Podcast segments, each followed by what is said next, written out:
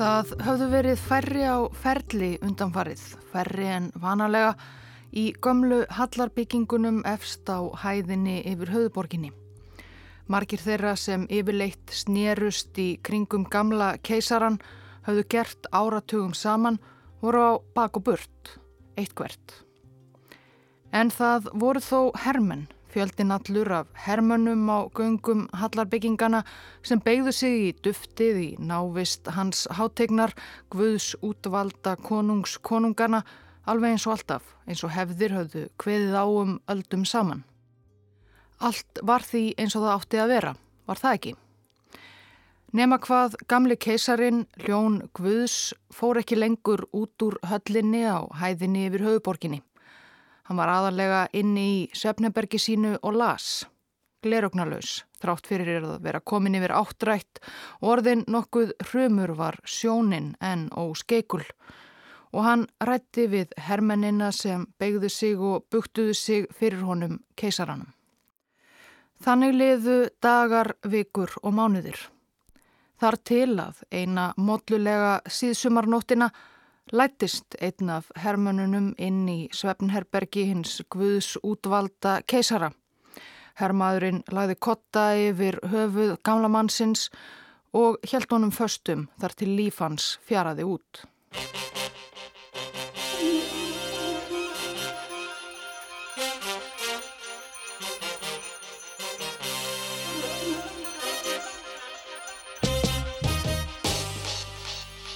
Eins og sagt var frá í síðasta þætti í ljósi sögunar um sögu Eþjópíu tókst Menelik öðrum Eþjópíu keisara að senda ítalska herin heim með skottið á milli lappana eftir afgerandi sigur í orustunni við Adva í mars 1896. Ítalija freistaði þess ekki aftur að leggja undir sig Eþjópíu og landsmenn fengu almennt að vera í friði fyrir nýlendu veldum Evrópu sem voru annars að sölsa undir sig nær alla Afríku. Menilik annar keisari gatt einbeitt sér að innanrikismálum og þar var hann stórtækur. Þegar Menelik var krýndur keisari 1889 lísti hann því yfir að lítil byggðu við heita uppsprettu í dal nokkrum á hálendinu í Sjefa, heima hér aði keisarans, erði ný höfuborg hins ethiopíska keisaradæmis. Kona hans Taitu keisareinja nefndi höfustadinn Addis Ababa eða Blómið Nýja og lagðist keisarinn í mikla uppbyggingu svo að við heitulindina spratt upp 2000 manna borg á örfáum árum. Á hæð sem gnæfði yfir nýju borgina byggði keisarinn sér höll, margar byggingar fyrir sig, fjölskyldu sína og hyrð. Af hæðinni hafði keisarinn góða yfir sín yfir höfðborgina og gatt haldið sig í örugri fjarlægð frá þegnum sínum sem ekki fengu að nálgast höllina. Nýja höfuborgin státaði svo einnig meðal annars að fyrsta bankanum í sögu Eþjópíu, Abyssiníu banka, en Abyssinia var það nafn sem Eþjópíu gengdi á Vesturlöndum. Og menuleik lagði grunn að nútímalegu menta og helbriðiskerfi og postjónustu og á valdatíð hans var lögð fyrsta járnbröytin í sögu landsins frá Addis Ababa til frönsku nýlendunar Djibouti við Adenflóa. Menelik gerði líka nokkra breytingar á gamalgrónu stjórnkerfi keisaradæmisins og skipaði sér ráðherra til ráðagerða. Og þegar líða tók á valdatíð hans fór hann að hafa áhyggjur af því sem við tæki eftir hans dag. Því valdaskipti í keisaradæminu Eþjópiu höfðu sjálfnast gengið alveg friðsamlega fyrir sig eins og við höfum heyrt í fyrir þáttum. Menelik vildi koma í vekk fyrir að borgarastyrjöld breytist út að honum látnum millir hinn að mörgu undir konunga aðalsmanna og pótintáta sem finna mátti í veldi hans. Nó hafði hann nú þegar lagt á sig til að tryggja veldi sitt og gera út af við mögulega anstæðinga. Árið 1909 útnemdi hann því formlega arftaka, dóttursón sinn Lý Íjású sem þá var 14 ára og það var ekki setna vætna. Menuleik hafði þá þegar fengið slag oftar en einu sinni og var orðið erfitt um vikað sinna skildum sínum. Tætu keisarainja sá sífelt meira um daglega stjórn ríkisins í höllinni á hæðinni. Hún tók alfarið við stjórninni höstið 1909 þegar enneitt slægið gerði keisaran lamaðan og alveg óvinnufæran.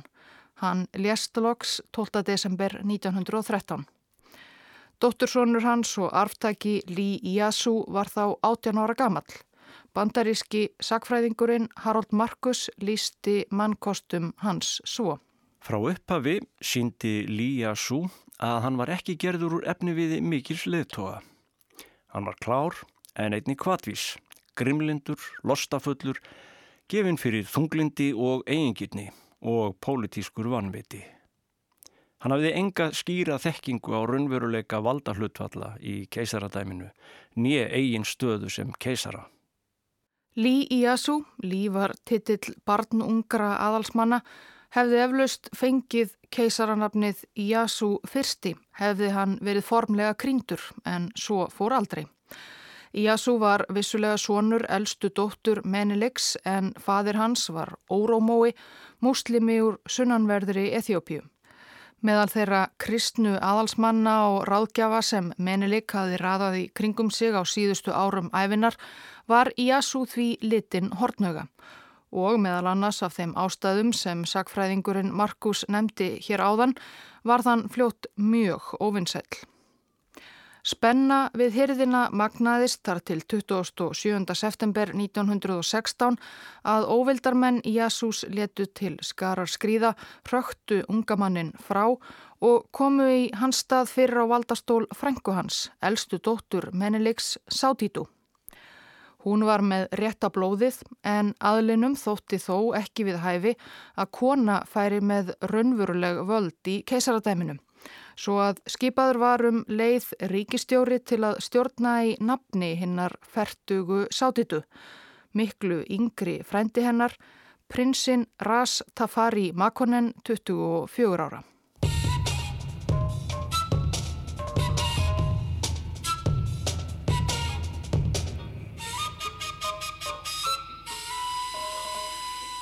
Með Ras Tafari, krónprinsi og ríkistjóra fekk Eþjópía áhrifameiri leðtúa. Fadir hans, Ras Makonnen, hafi verið einn af ráðgjöfum Meneliks og sonurinn, mentaður af frönskum trúbóðum, hafi snemma vakið aðtegli við hyrðina og ungur fengið ímsar ábyrðastöður. Hann var því ekki alveg óreindur og sem ríkistjóri reyndi hann að feta sömu braut og frendi hans Menelik annar að byggja upp innviði nútímalegs ríkis, nútímalegra stjórn og hagkerfi og koma um leiði vekk fyrir allt mögulegt andof gegn keisaraveldinu í Addis Ababa. Eþjópía naut þeirra sérstöðu að vera eitt af örfáum löndum Afríku sem vesturlönd viðurkendu sem sjálfstætt ríki meðal ríkja og Eþjópía gekk þannig í þjóðabandalagið 1923 fekk aðild gegn því að Ras Tafari héti því að banna og uppræta þrælahald sem um aldir hafi verið stundað í Eþjópíu. Að efna það lofvorð tók hann að vísu óra tíma, talið er að upp úr 1930 hafi enn verið um 2 miljónir manna í þrældómi í Eþjópíu.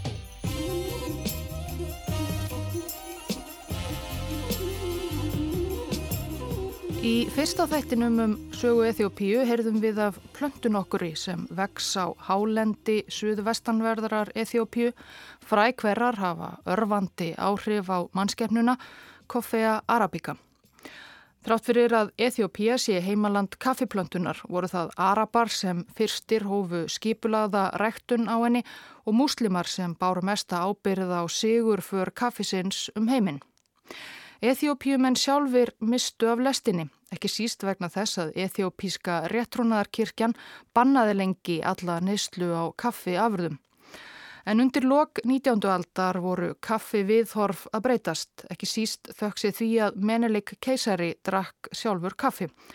Og Eþjópíumenn fóru að flytja út kaffiböynir í síauknum mæli, en það böynir þessar þá farnar að slá í gegnum víða veröld. Það var meðal annars hagnaður af kaffiútflutningi sem gerði Ras Tafari ríkistjóra klifta taka rækilega til hendinni, ráða erlenda ráðgjafa og byggja upp landsitt. Hann treyði sér og sínum sömu leiðis mjög þægilega tilverum.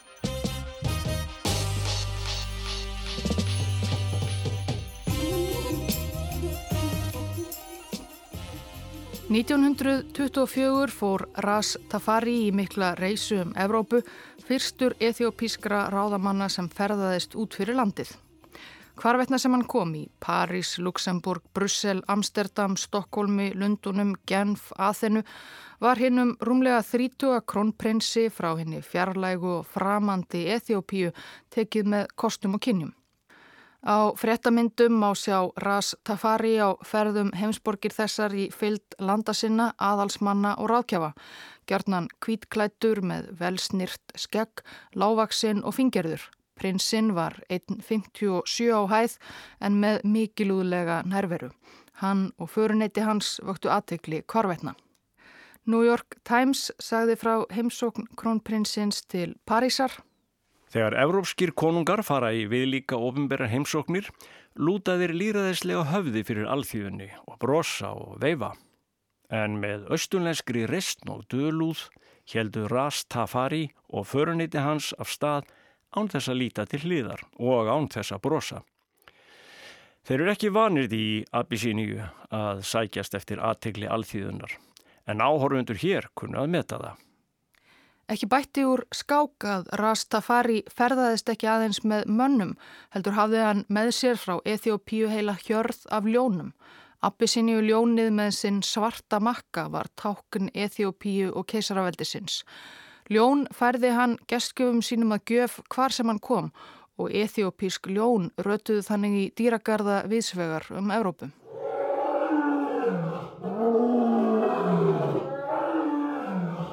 Prinsinn fór svo ekki tómhendur heim heldur þó hann hafi losað sig við flest ljónin á leðinni. Í Jérúsalem heimsótti hann armenst réttrúnaðarklaustur þar sem dvöldu munaðaleysingjar sem höfðu komist lífsaf úr útrýmingarherferð Tyrkja á hendur armenum. Prinsinn ákvaðað ættleiða 40 armenska munaðaleysingja.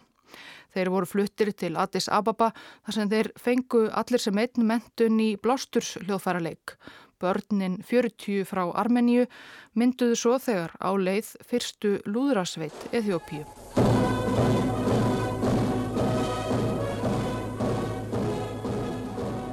Lúðrasveit armensku munaðaleysingjana leik vitaskuld í Dómkirkjunni í Addis Ababa annan november 1930 þegar Ras Tafari var krýndur keisari konungur konunga Eþjópíu. Frænga hans, Sátitu keisareinja, hafi dáið á sótarseng fyrra á árinu og krónprinsinn, 38 ára, gætt á hætt að stjórna í hennar nafni og fengið sér sjálfur langþráð sæti á valdastóli. Keisari krýndur í afrískri höfuborg. Prestar dansa við trumbuslátt eftir krýningu Hæle Selassi. Þremur miljónum varið í hátíðahöldin. 5.000 nautgripum slátrað fyrir 25.000 manna veistlu af hráu kjöti og víni. Líkt og með heimsreisu krónprinsins nokkrum árum áður vakti kríning sama manns til keisara mikla aðtikli á vesturlöndum. Fjölmarkir evróskir pótintátar voru viðstattir aðtöfnina. Ekkert var til sparað og fréttaflutningur af dýrðinni hefur eflaust rímað illa við hugmyndir margra á vesturlöndum af myrku álfunni Afríku. Með taumlausir í pomp og prakt var grindur við sólaruppbrás Hæle Selassi fyrsti sem segist komin af Salomón konungi og drottningun af Saba og ber titlana Konungur konunga Eþjópíu, Sigur sælt ljón Júteu, Guðs útvaldi og ljós heimsins.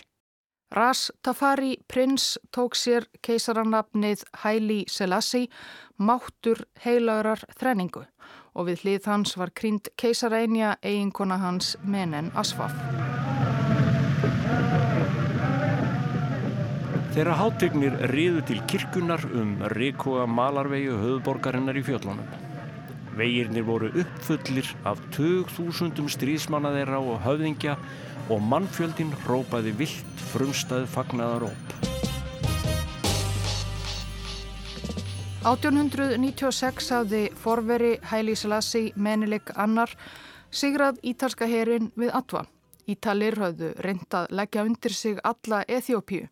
Ítalska ráðamenn dreymdi um nýlenduveldi eins og önnur megin ríki Evrópu státuðu af sem og að endurreisa Rómaveldi eins og þeir orðuðu það.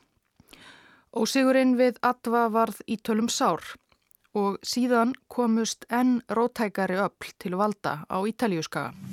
Di manovre diplomatiche, di intrighi di governo, di passioni di minoranze e solo con l'anno 1920. Benito Mussolini og fasistar hans tóku völdin á Ítalíu 1922. Mussolini dreymdi líka um að drottna yfir ríki sem væri jafnokki hins forna Rómaveldis og hefna fyrir ósigurinn við Atva. Eftir að hafa lúpast frá Eþjópíu höfðu Ítalir lagt undir sig smá sneið af landsvæði við ströndina á hortni Afríku, ítölsku Sómalíu og áttu einnig fyrir smá sneið lengra norður, ítölsku Eritrifu. En meira var það ekki um sinn. Spennan á landamærum Eþjópíu og ítölsku nýlendana tveggja magnaðist eftir valdatöku Mussolinis. Ítalskir nýlenduherrar vildu gjarnan færa át kvíarnar. Mussolini fyldist svo með uppbyggingu nýja keisarans í Eþjópíu frá 1930 og ákvað loksað að láta til skarar skrýða áður en veldi hans yrði of mikill. Í desemberbyrjun 1934 urðu skærur millir ethiopískra hermana og sómala í þjónustu Ítalíu við eðimerkurvinina Valval á landamærum Ethiopíu og ítölsku Sómalíu. Orsakir skærana og hvor aðili varð fyrri til eru óljósar en þegar yfir laug lágu nokkri tugir hermana í valnum begja vegna landamærana. Tilraunir ethiopískra stjórnvalda til að fá alþjóðasamfélagi til að fordæma ítala fyrir þetta og taka fram fyrir hendurnar á þeim fengu svo litlar undirtektir. Þjóðabandalagið fyrir ennari saminuðu þjóðana var ekki til stórræðana í þessu máli frekar en flestum öðrum og Ethiopía átti sér fáa raunverulega bandamenn á alþjóða vettvangi sem voru reyðbúnir að standa upp í hárinu á Ítalíu Mussolinis. Næstu mánuði færðist stríðið því bara nær og nær.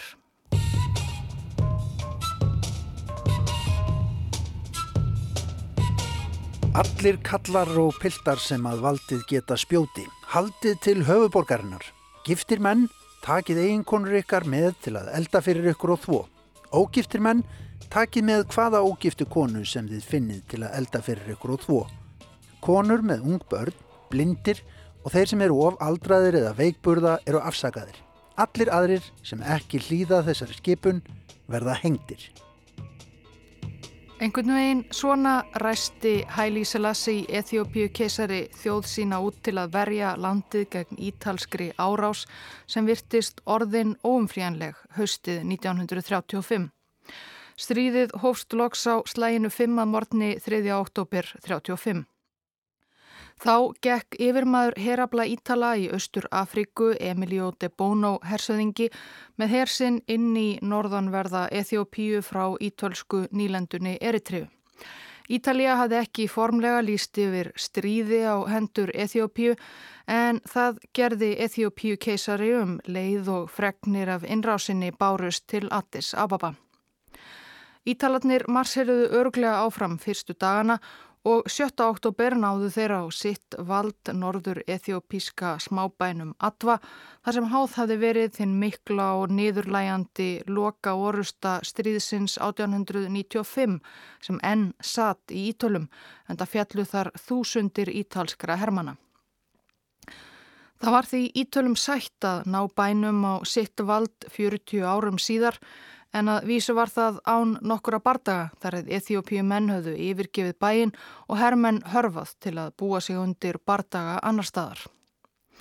Gagn sókn Eþjópíu manna í desember 35 hafði þó ekki mikið upp á sig. Nú var staðan önnur en fyrir 40 árum þegar Ítalir höfðu vannmetið Eþjópíum en gífurlega og senda móti þeim fámennan, íllabúin og áhuga lausan herr. Ítalir voru nú mun betur vopnum búnir og í árslokk 35 hóf ítalska herliðið að beita bannvænu eiturgasi á anstæðinga sína, nokkuð sem Eþjópiumenn höfðu enga reynslu af að þurfa að etja við á vígvellinum og varð fjölda hermanna að bana sem og saklausra borgara.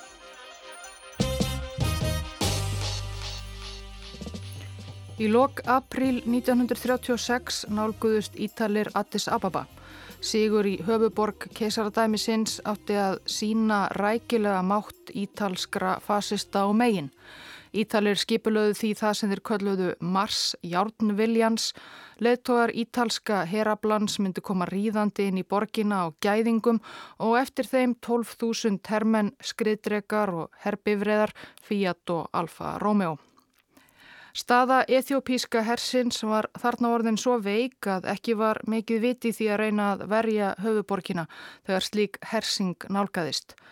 Hæli Selassi keisari fyrirskipaði að stjórn Ethiopíu erði færð til borgarinnar Gore í suð-vestanverðu landinu í örugri fjarlægð frá sókn Ítala.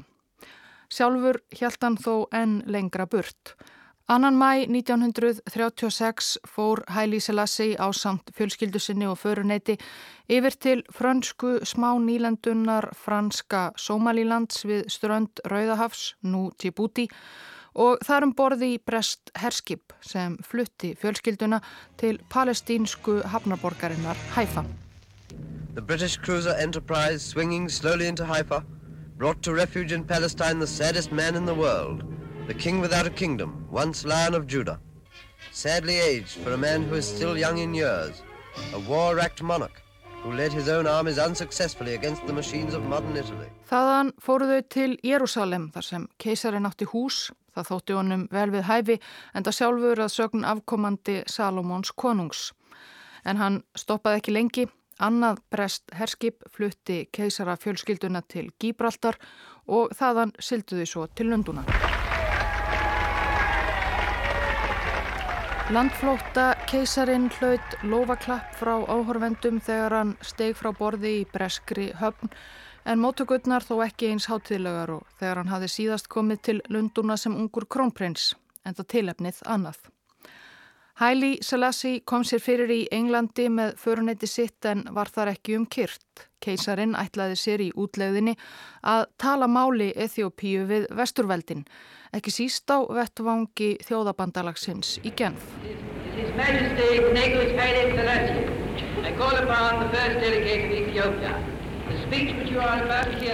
En þegar keisarin steg svo í pontu í höll þjóðana í Genf mættu honum hróp og köll ítalskra sendifulltrúa og bladamanna.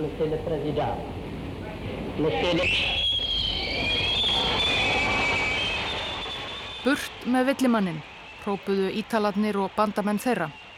7. mæ höfðu Ítalir líst í yfir að Eþjópía væri siguruð og ríki keisarans því ekki lengur til. Ítalski landstjórin hreyðraði um sig í keisarahöllinni í Addis Ababa. Mannskæðir bardagar heldu áfram annar staðar í landinu milli Ítala og innfættra sem sættu sig ekki við Erlend yfirráð en Ítalir álitu sigurinn enguða síður í höfn. Ítölsku háfaðsækirnir voru loks fluttir úr fundarsalnum í Genf og keisarinn gatt haldið ræðu sína. Hann mælti á amharísku þrátt fyrir að tala mörg Evrópumál vel og greindi frá mörgum og grimmilegum glæpum Ítala á ethiopískri grundum. Það eru engin fordæmi fyrir því að þjóðhauðingi taki sjálfur til máls á þessu þingi. En það eru heldur engin fordæmi fyrir því að þjóð þurfi að þóla viðlíka óréttlæti. Það hefur heldur aldrei áður gerst að ríkistjórn reynis og kerfiðsbundið að útrýma þjóð á svo villimannslegan hátt, þvert á lofor þjóða heims, um að hryllileg eiturefni ekki að nota á saklust fólk. Það er til að verja þjóð mína sem best fyrir æfa gömlu sjálfstæði sínu sem ég, höfuð ethiopíska keisaradæmisins, er komin hingað til genfar. Að svara þessari mikilvægustu skilduminni. Ákall keisarans vakti aðtikli en bar engan árangur. Frekari ræður hans gerðu það ekki heldur. Þjóðabandalæð aðhafðist ekkert og refsaði ekki ítölum fyrir aðgerði þeirra í Eþjópíum. Haile Selassie snýri aftur til Englands. Hann kefti lítið setur, Fairfield í útjæðri Bath í suðvestur Englandi fyrir sig og fjölskyldu sína og starfsfólk. Lífið þar í útlegðinni varð með tímanum tíðinda lítið. Margir heimsóttu oss á heimili vort sem Fairfield hétt. Í húsinu voru mörg herbergi og það var kallt. Útsýnið út um klukkana myndi oss ætíð á hæðirnar í Harar. Við fórum aldrei í leikhús eða á aðrar skemmtanir. Vor eina upplýfting var tíminn sem við vörðum við að spjalla við börnin. Við vöktum lengi á kvöldin við lestur og rétun æfisögu. Bækurnar sem við lásum voru aðalega stjórnmálasögur og æfisögur liðtóa eins og Napoleons og Abrahams Lincoln og verk um kristna kirkju. Líf vort í bað var afar erfitt. Við er glýmdum við fjárhagserfiðleika. Fjölmilar höfðu sagt að við hefðum tekið nógu af fjármunum þegar við yfirgáfum landvort, en það voru algjör ósanandi. Þið sanna að við vorum í miklum fjárhagserfileikum á þessum tíma var augljóst.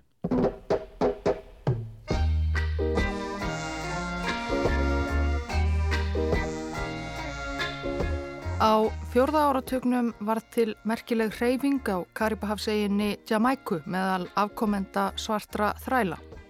Hreyfing þessi var byggð á kristnum trúararfi og sumuleiðis hugmyndum um að afkomendum Afrikubúa byrjaði að brjótast undan kvítu oki og snúa aftur til ættjarðarinnar sem væri í raun landið fyrirheitna. Likil persona í þessari reyfingu var þinn mælski og mikilúðlegi keisari Eþjópiu, hins sjálfstæða stórveldis Afriku. Átrúnaðar goð, bókstaflega, því þeir sem aðhyldust reyfinguna sem nefnd var eftir honum, Ras Tafari eins og hann hafi verið kallaður sem ungur prins, litu á lifandi mannin sem endur komu frelsarans, guðurlega veru. Rastafari reyfingin eða trúin plumaði sig ágætlega og breyttist út fyrir landsteina Jamaiku, ekki síst með tónlistararfi eigaskekkja. Aðspurður 1967 sagði Haile Selassie að hann hefði nú hitt nokkra Rastafaria í árana rás og sagt við þá að hann væri bara döðlegur maður. En myndi frelsarin endilega viðurkenna slikt spurðu Rastafariatnir þá Þetta hafði alltjent engin áhrif á trúfestu þeirra.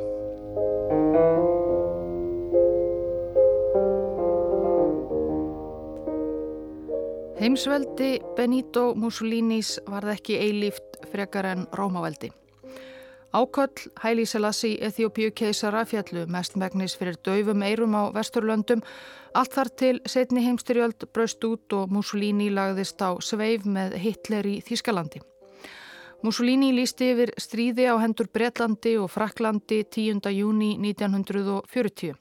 Í ágúst sama ár reyðist ítalst herlið frá Eþjópíu inn í Breska nýlendu til austurs Breska Sómalíland. Von bráðar loguðu bardagar viðsvegar um afríst nýlenduveldi Ítalju, austur í Eþjópíu og vestur í Líbíu sem Ítalja hafi líka brotið undir sig með grimmilegum leiðum. Bretar hirtu nú loksum Hæli Selassi sem í janúar 1941 var fluttur af setrinu í útjæðri Bath og til Khartoum í Sútan til að taka þátt í innrás sameinaðs liðs bandamanna og ethiopíumanna í ítölsku Östur Afriku. Soknin gekk greiðlega og ítölum var fljótt hrundir á flóta. Excitement is rising in a quickening tempo as an emperor returns in triumph to his people. 5. mæ 41, fimm árum upp á dag eftir Mars Járnviljans þegar Ítalir lögðu undir sig Addis Ababa 36, sneri keisarin aftur til höfuborgar sinnar og áarpaði þjóð sem hafi mátt þóla margt í fjárveru hans. Í dag er dagurinn sem við sigruðum óvinn okkar, gleðjumst í hjörtum okkar en gleðjumst ekki á annan hátt en í anda Krists. Gjöldum ekki illt með illu, leikum ekki eftir villimennsku óvinnarins. Sýnið aðgátt að sörga ekki hitt góða nafn Eþjópiu með gjörðum sem myndu hæfa óvinninum. Við búum svo um að óvinnur okkar verða sendir burt sömu leið og þeir komu. Rétt eins og heilagur Georg sem drap dregan er verndari hers okkar sem og hers óvinnarins skulum við ganga við hlið bandamanna okkar í eilífum vinskap og berjast saman gegn hennum grimma, guðlausa drega.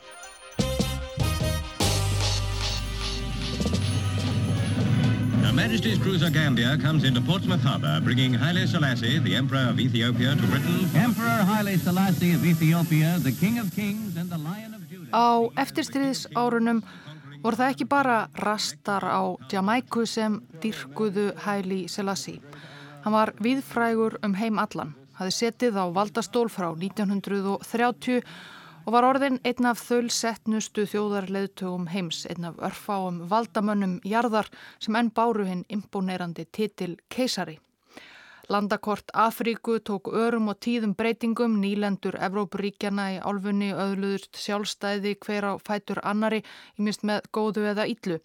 Eitt breytist þó ekki í hásæti sínu í Addis Ababa satt Haile Selassie og drotnaði yfir sínu mörg þúsund ára ethiopíska keisaraveldi. Yfir ævafornu ríki hans og honum sjálfum var enn á vesturlöndum einhver ljómi framandleika og dýrðar. Last, the most rousing, boisterous, tumultuous welcome ever given to any visiting or local celebrity, His Imperial Majesty Haile Selassie I Eþjópia varð eftir heimstyrjöldina síðari diggur bandamaður Vesturlanda í flestu. Eþjópískir herrmenn börðust við hlið bandaríkjamanna í Kóreustríðinu. Keisarin var nokkuð tíður gestur í bandaríkunum og við hátíðleg tilefni á alþjóða vettvangi þar sem þjóðarleðtogar söpnuður saman var hann jafnan með fremstu mönnum, þetta gerðnan elstur með mesta titilinn Konungur konungana Ljón Júteu. Heimaferir var þó ekki alltaf allt með feldu. Eftir að skamlíft nýlenduveldi ítala í Afríku leiðundir lok eftir heimstyrveldina þurfti alþjóðasamfélagið að ráðstafa landsvæði því sem menelik annar Eþjópíu keisari hafði eftirlátið ítölum í vináttu samningi undir lok 19. aldar, lítilli landsneið sem þá var í fjarlægum nýrsta hluta veldis meneliks við strönd Rauðahafsins og varð síðan ítalska Eritrea. Eftir stríðið 1952 ákváðu saminuðu þjóðurnar að Eritrea eriði eins konar hálf sjálfstætt land í nánu sambandi við Eþjópíu um fjárhags, varnar og utaríkismál. Því raun undir hæl keisarans. Eritreumenn sættu sig ekki við þetta og 1961 gripu eritreskir sjálfstæði sinnar til vopna. Hæli Selassi keisari brást við með því að rýfa alla samninga um sambandsríki og eritreska sjálfstjórn og lagði eritreu alfarið undir sig. Eritreumenn gáist ekki upp og sjálfstæði stríð eritreu átti eftir að standa í þrjá áratví. Eþjópíski keisaraherrin gekk oft hart fram og framti fjöldamorð og voðaverk. Everywhere is war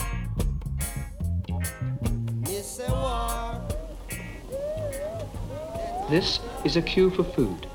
These people are Ethiopian peasants. Once they had cattle, land and houses. They sold them all to buy food. Now they have only their rags. They're destitute. Í oktober 1973 síndi breska sjónastöðin ITV heimildarmynd fréttamannsins Jonathan Stimbleby hinn óþekta hungursneið. Brettamenn ITV hafðu ferðast til Volóhjeraðs í norðanverðri Eþjópíu og tekið þar hjarta skerandi myndir af grind hóruðu sveltandi fólki. Sár hungursneið var í héræðinu eftir mikla þurka. Richard Pankhurst, professor og einn helsti sérfræðingur 20. aldar í sögu Eþjópíu, hann var svonur ennsku kvennreitindakonunar Silvíu Pankhurst sem jáfnframt var mikill Eþjópíu vinnur, Hann skrifaði eitt sinn að frá 15. og fram á 19. öld hefðu Eþjópjumenn þurft að þóla eina hungursneið á um tíu ára fresti. Hvort sem skorturinn var að völdum veðurfars, uppskerubrests, drepsóta eða afleiðinga, óstjórnar og ófriðar. Hungursneiðin í Voló 1973 til 74 hafði ekki farið hátt í erlendum fjölmiðlum og eins og Dimbleby og félagar greindu frá á ITV virtist hún ekki hafa gert það í Addis Ababa heldur.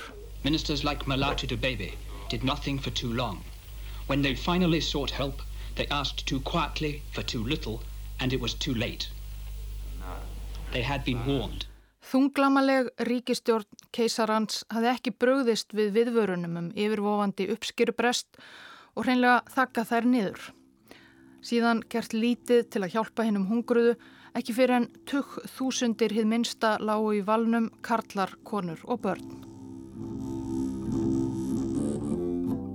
Og óanægu efnin voru þarna orðin miklu fleiri.